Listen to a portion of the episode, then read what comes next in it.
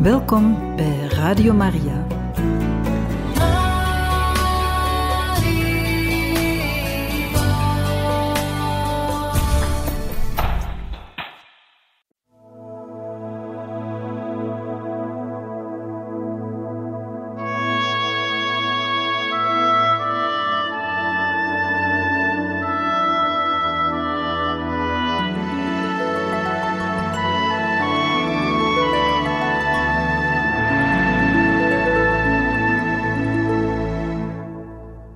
Beste luisteraars van Radio Maria, in dit programma Heilige Getuigen gaan we verder met de lezing van het boek over Johannes van het Kruis met de titel Geboren uit Gods adem en geschreven door Crisogono de Jesus.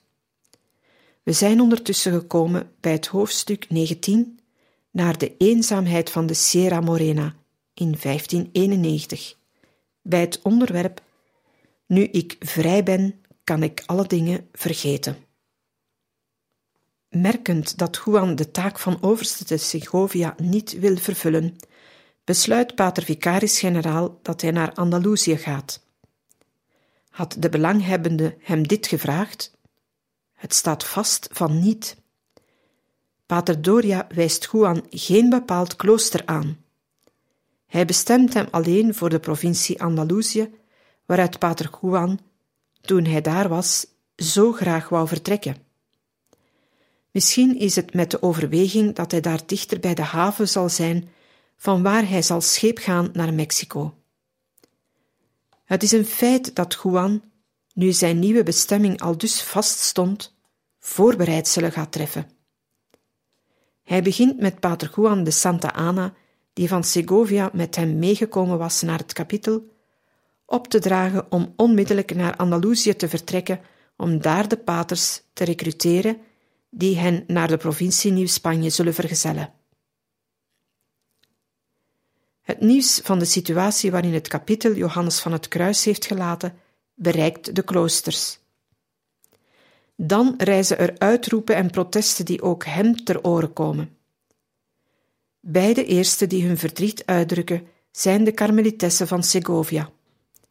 Het nieuws moet hen prompt bereikt hebben en ze moeten hem snel geschreven hebben want op 6 juli antwoordt hij hen vanuit Madrid. De brief die hij schrijft aan Ana de Jesus, de enige die we in zijn geheel kennen, is een van de beste uit heel zijn correspondentie. Jezus zei in uw ziel: Voor het feit dat u me hebt geschreven ben ik erg dankbaar. Nu ben ik u nog veel meer verschuldigd dan ik al was. Dat de zaken niet zijn gegaan zoals u had gewenst, moet u eerder tot troost strekken en tot grote dankbaarheid jegens God. Zijne majesteit heeft het zo beschikt. Voor allen is dat dus het beste. Wat ons rest is, onze wil ernaar plooien, zodat wij ook een indruk hebben die in overeenstemming is met de waarheid. De dingen die niet bevallen kunnen zo goed en zo passend zijn als ze maar willen. Ze zullen ons altijd als slecht voorkomen en als iets dat tegen ons indruist.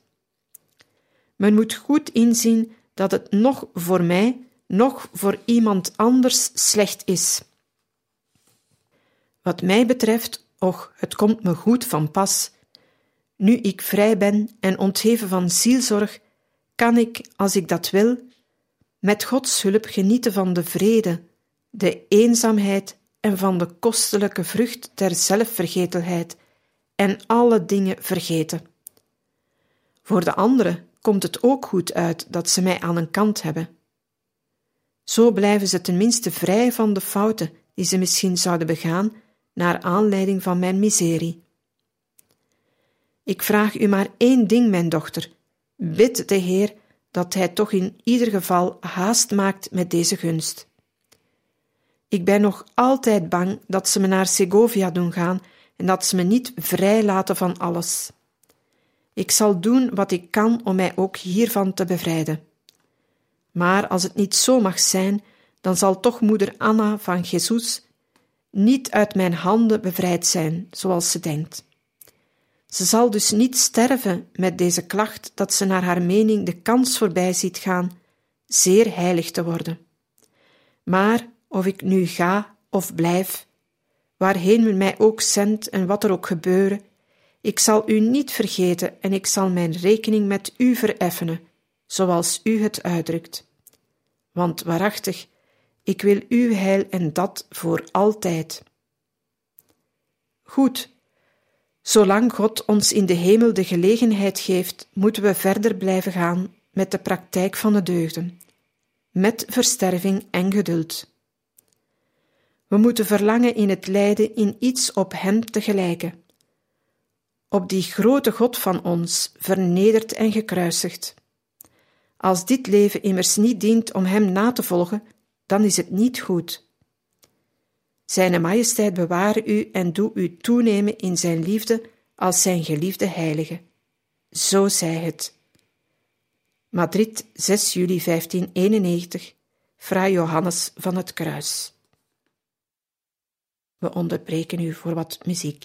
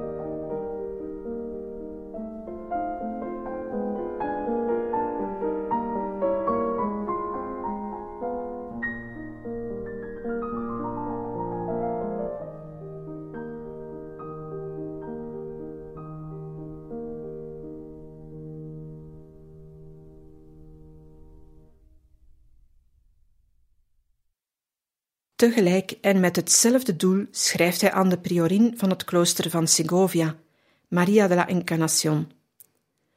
Wat mij betreft, dochter, mogen u geen pijn doen wat mij geen pijn doet. Dat echter iemand schuldig wordt genoemd die geen schuld heeft, dat is voor mij moeilijk te verdragen. Dat eerste immers wordt niet gedaan door mensen, maar door God. Hij weet wat ons past en hij ordent dat voor ons welzijn. Denk alleen maar hieraan dat God alles regelt. Breng liefde waar geen liefde is, en ge zult liefde vinden. Juan verandert niet in zijn ideeën.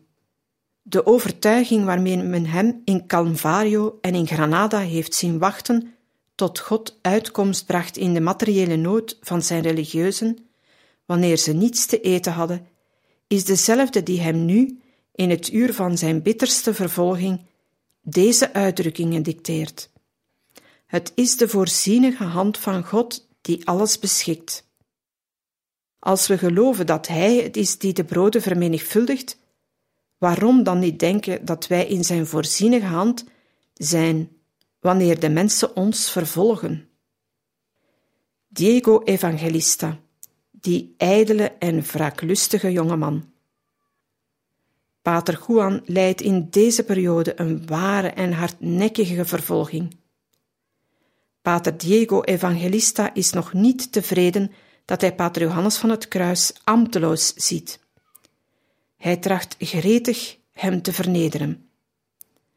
Enkele dagen na het kapitel, als Pater Juan nog in Madrid is, komt er in de recreatie een geestelijk onderwerp ter sprake. De mystieke leraar mengt zich erin met de onnavolgbare competentie en zalving die hem kenmerken. Allen luisteren naar hem, vol aandacht en in geestdrift. Diego Evangelista, die erbij aanwezig is, kan het niet verdragen en, misbruikmakend van zijn recente taak als definitor, beveelt hij onheus en met minachtende woorden Pater Juan te zwijgen. Pater Diego heeft het plezier de vader van de hervorming vernederd te hebben maar deze verdraagt het met een glimlach op het gelaat, alsof het niet tot hem gericht was, die vernedering die hem door zijn vroegere onderdaan was aangedaan, die ijdele en wraaklustige jonge man. Waarschijnlijk is Juan na afloop van het kapitel minstens tot half juli in Madrid gebleven. Op 6 juli, de datum van zijn brief aan moeder Ana de Jesus, staat zijn bestemming nog niet vast want hij is nog bang dat men hem als overste naar Segovia stuurt. Een van die dagen gaat hij door de velden wandelen met Pater Juan de Jesus Maria Aravales, toenmalige novicemeester in Madrid, nadat hij dat in Pastrana geweest was, een van de beste leden van de hervorming. Het Sint Hermenegilde klooster, dat nu midden in de Spaanse hoofdstad ligt, is in die tijd buiten de stad gelegen. Ze hoeven dus maar weinig te lopen om zich in de vrije lucht te bevinden. Pater Juan de Jesus Maria bewondert de vrede die de hervormer weet te bewaren te midden van de vervolging waaronder hij lijdt en die alle kennen. Pater Juan de la Cruz spreekt er zelfs niet over. Reeds in de velden aangekomen en misschien niet goed wetend welke weg in te slaan, zegt Juan tegen zijn metgezel: Laten we hierheen gaan, daar zijn we nog niet geweest. Niemand is daar ooit geweest die God beledigd heeft. Soms gaan ze naar het huis van Dona Ana de Peñalosa, die op het ogenblik in Madrid woont met haar broer, Don Luis de Mercado, die nu auditeur is bij de Koninklijke Raad en groot inquisiteur. Op een avond gaat Juan erheen met pater Silulio Pinyan. Deze heeft van de prior Pater Mariano opdracht gekregen Pater Juan niet uit het oog te verliezen. Pater Mariano heeft dat onder absolute geheimhouding tegen Pater Cililo gezegd. Bij Dona Ana aangekomen, gaat Pater Juan met haar naar de kapel, terwijl Pater Cirillo respectvol in een buitenzaal blijft. Maar Pater Juan merkt het en zegt hem dan te doen wat men hem heeft opgedragen. Hij laat hem plaatsnemen op een krukje bij de deur van de kapel die open blijft. Vandaar ziet hij de biechtvader en zijn bichteling heel de tijd dat de biecht duurt. Een kielzog van deugd. Omdat zijn vertrek naar Andalusië nu vaststaat, neemt Juan afscheid van zijn Madrileense vrienden, de ongeschoeide karmelitessen, Dona Anna de Peñalosa, de familie van Pater Gracian, en hij bezoekt de zusters met een blij gezicht en een engelachtige vrede die hen verbaast, want zij weten dat hij lijdt. Wanneer hij hun zijn nieuwe bestemming vertelt, waarschijnlijk heel nauwkeurig het in de eenzame bergen van de Sierra Morena verloren klooster aangevend, roept een karmelites die hij kent omdat hij haar zelf naar de stichting van dit klooster in Madrid gebracht heeft, verbaasd en als met pijn in haar hart uit. Waar moet u, eerwaarde, toch heen, pater? Mijn dochter, antwoordt Juan haar, ik voel me beter tussen stenen dan onder mensen. Hij neemt afscheid van Donja Ana met de woorden: Vaarwel, mijn dochter, ik ga weg. De edelvrouwe raakt aangedaan en begint te wenen. Pater, zegt ze hem, hoe kunt u weggaan en mij alleen laten? Haar geestelijke leider troost haar. Stil, dochter, huil maar niet. Je zult naar me laten zoeken en je zult me terugzien. Niemand beseft de betekenis van die woorden. Maar twee jaar later, wanneer Pater Juan in Ubeda is gestorven, zien Doña Ana en haar broer Don Luis kans het lijk naar Segovia over te brengen via Madrid. Alle zullen dan terugdenken aan de profetische draagwijte van dat afscheidswoord. Ten slotte neemt Juan afscheid van de familie van Pater Gracian. Met hoeveel te meer reden zou moeder Teresa, als ze nog leefde, herhaald hebben wat ze Pater Gracian in 1578 schreef over Johannes van het Kruis. Ik zeg u, eerwaarde, dat u er nog weinig zoudt hebben als hij, indien hij zou komen te sterven. Helaas slaagde Pater Gracian er niet in daarvan overtuigd te raken. Hij begreep de mystieke leraar niet. Maar wat kende moeder Teresa hem goed? We onderbreken nu voor wat muziek.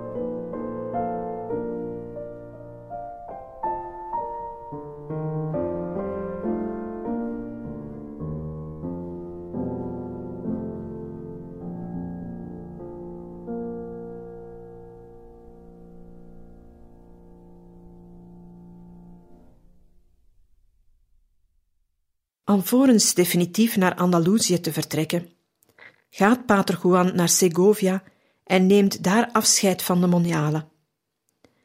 De pater moet sterk vermagerd zijn tijdens zijn verblijf te Madrid, want de zusters vinden hem erg veranderd. Ze vinden het erg. God, pater, in wat voor toestand komt u eerwaarde hier? zegt de priorin Maria de la Encarnación hem. Ze zinspelen op de slechte manier waarop de capitulanten zich Jezus hem hebben gedragen. Maar Juan onderbreekt hen snel. Spreek daar alstublieft niet over, zegt hij hun. En hij duldt niet het minste commentaar op wat er gebeurd is. Het is waarschijnlijk bij die gelegenheid dat hij ook afscheid neemt van Francisco de Uruenia, de barbier van de paters.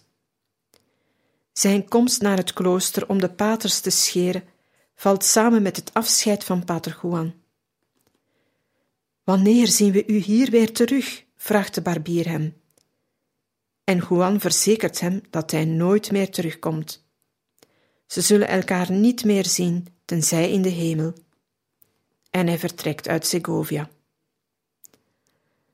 Hij laat er de nieuwbouw nog onvoltooid achter, de tuin die hij vergroot heeft, de kleine smalle grot hoog in de bergen, het schilderij van Christus dat tot hem gesproken heeft, de kleine cel met de in de muur verankerde plank, de biechtstoel onder de trap.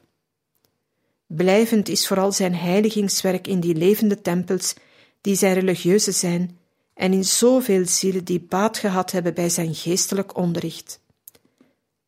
Pater Diego de la Resurrección, die hem drie jaar later opvolgt als prior, getuigt van het kielzog van deugd dat Pater Juan achter zich liet bij zijn vertrek uit Segovia.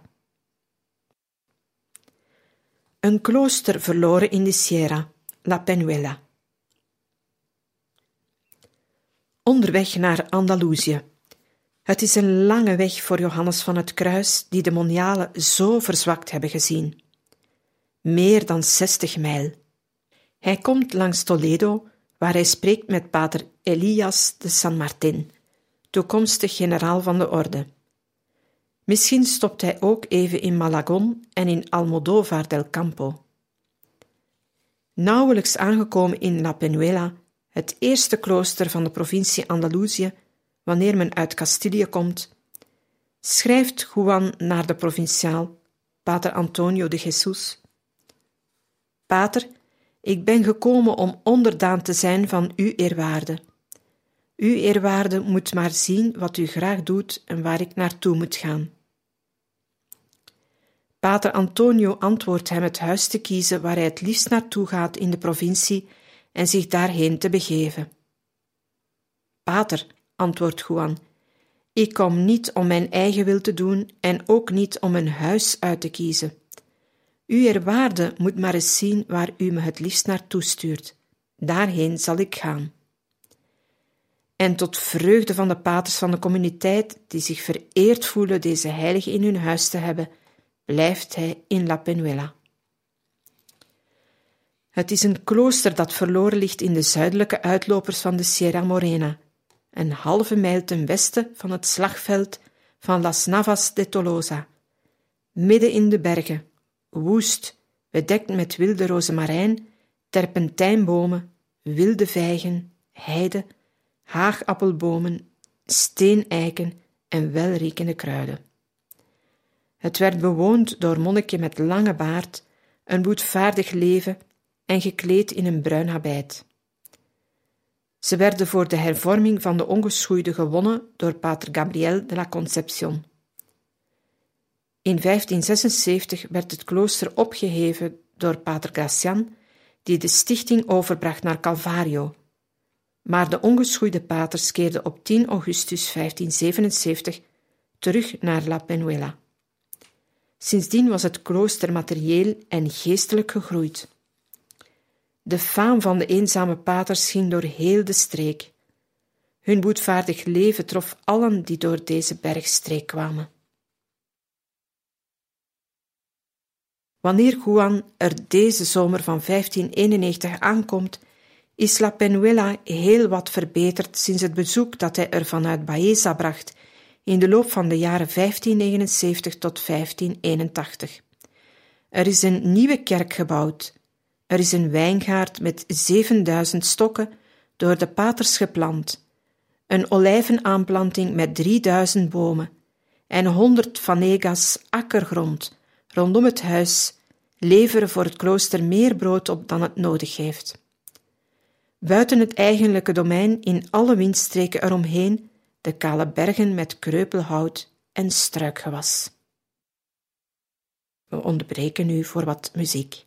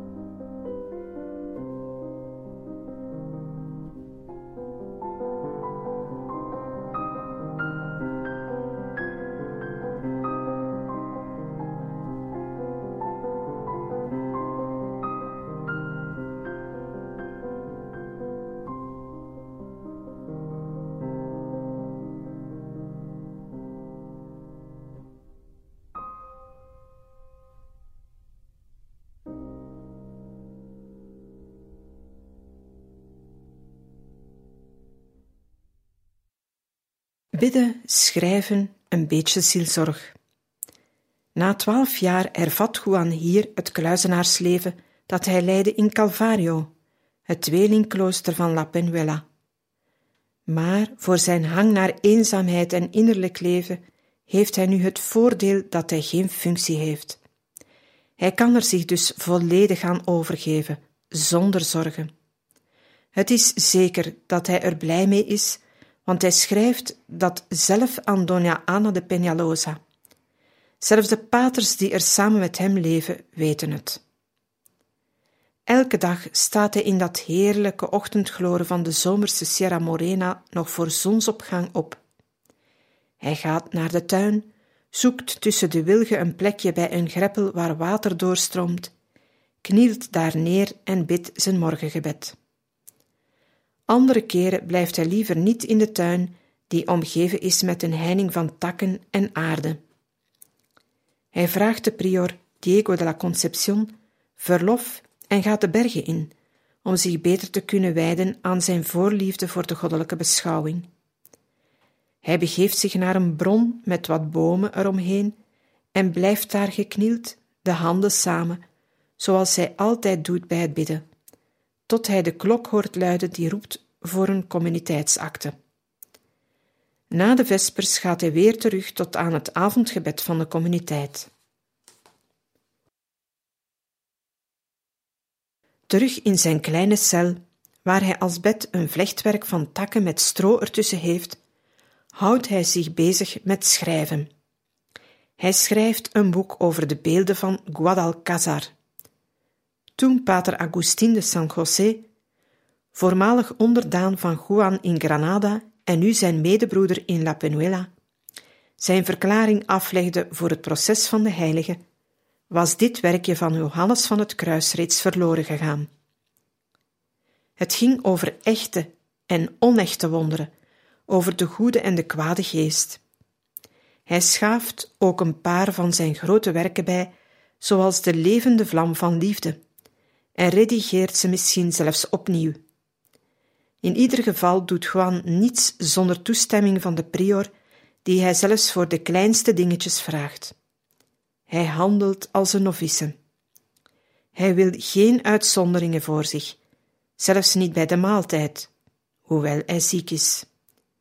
Zoals voor allen bestaat zijn eten uit brood, brood van bonen en gerst, gemengd met koren en wat gekookte moeskruiden. Maar het is niet allemaal gebedsleven in de tuin bij het bevloeiingskanaal tussen de wilgen. Juan gaat er ook op uit voor apostolaat in de stad Linares.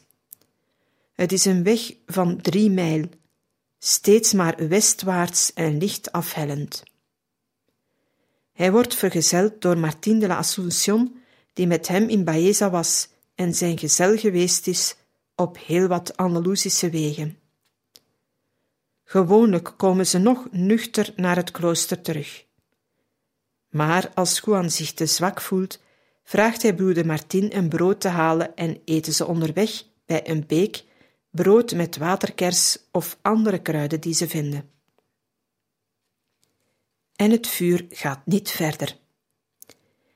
In die periode gebeurt er iets dat de religieuzen van La Penuela miraculeus vinden. Het was eind juli of begin augustus. Het koren is gemaaid en de oogst geborgen. Om het onkruid te verbranden steekt broeder Cristobal de stoppels aan. Het is een uitgestrektheid van honderd vanegas korenveld met hier en daar wat steeneiken ten noorden van het klooster.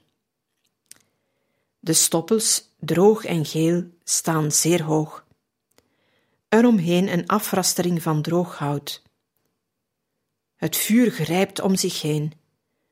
De wind die uit het zuiden kwam, draait naar het noorden en in plaats van de vlammen noordwaarts te jagen, waait de wind ze richting klooster.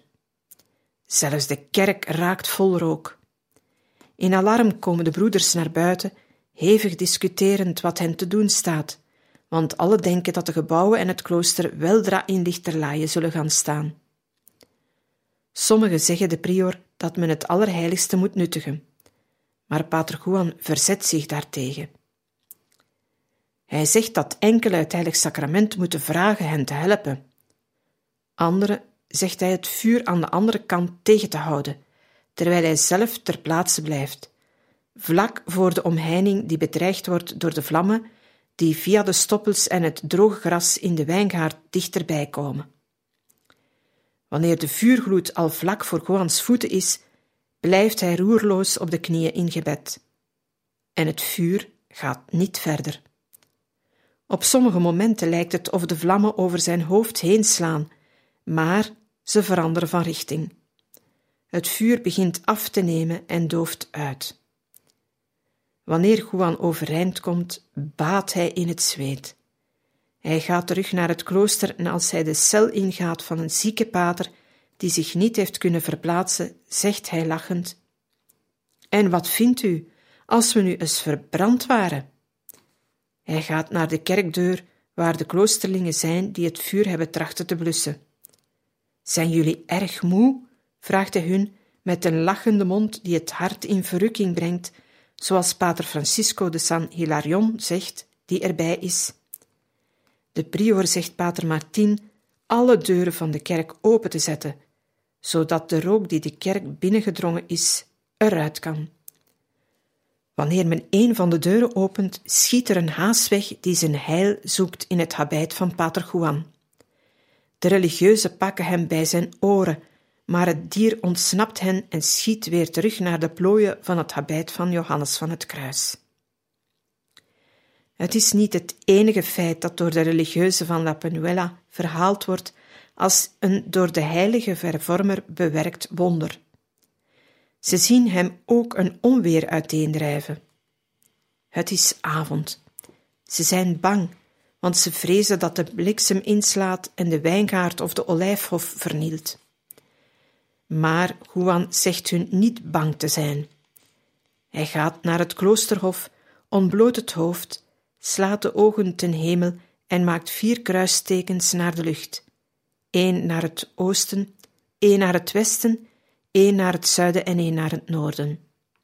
De storm gaat over en vol bewondering zeggen de religieuzen de hemel dank. Zelfs broeder Juan de la Madre de Dios, de vroegere tuinman van La Penuela, ondervindt de weldadige invloed van Juans vermogens. Hij is niet in dit klooster als Juan er aankomt. Men heeft hem naar Baeza moeten overplaatsen, want hij is ernstig ziek geworden en de dokters hebben hem daar opgegeven. Een keer zeggen de paters hoe erg ze broeder Juan missen, die het domein zo goed wist te leiden. De heilige vraagt de prior waarom men hem niet terughaalt.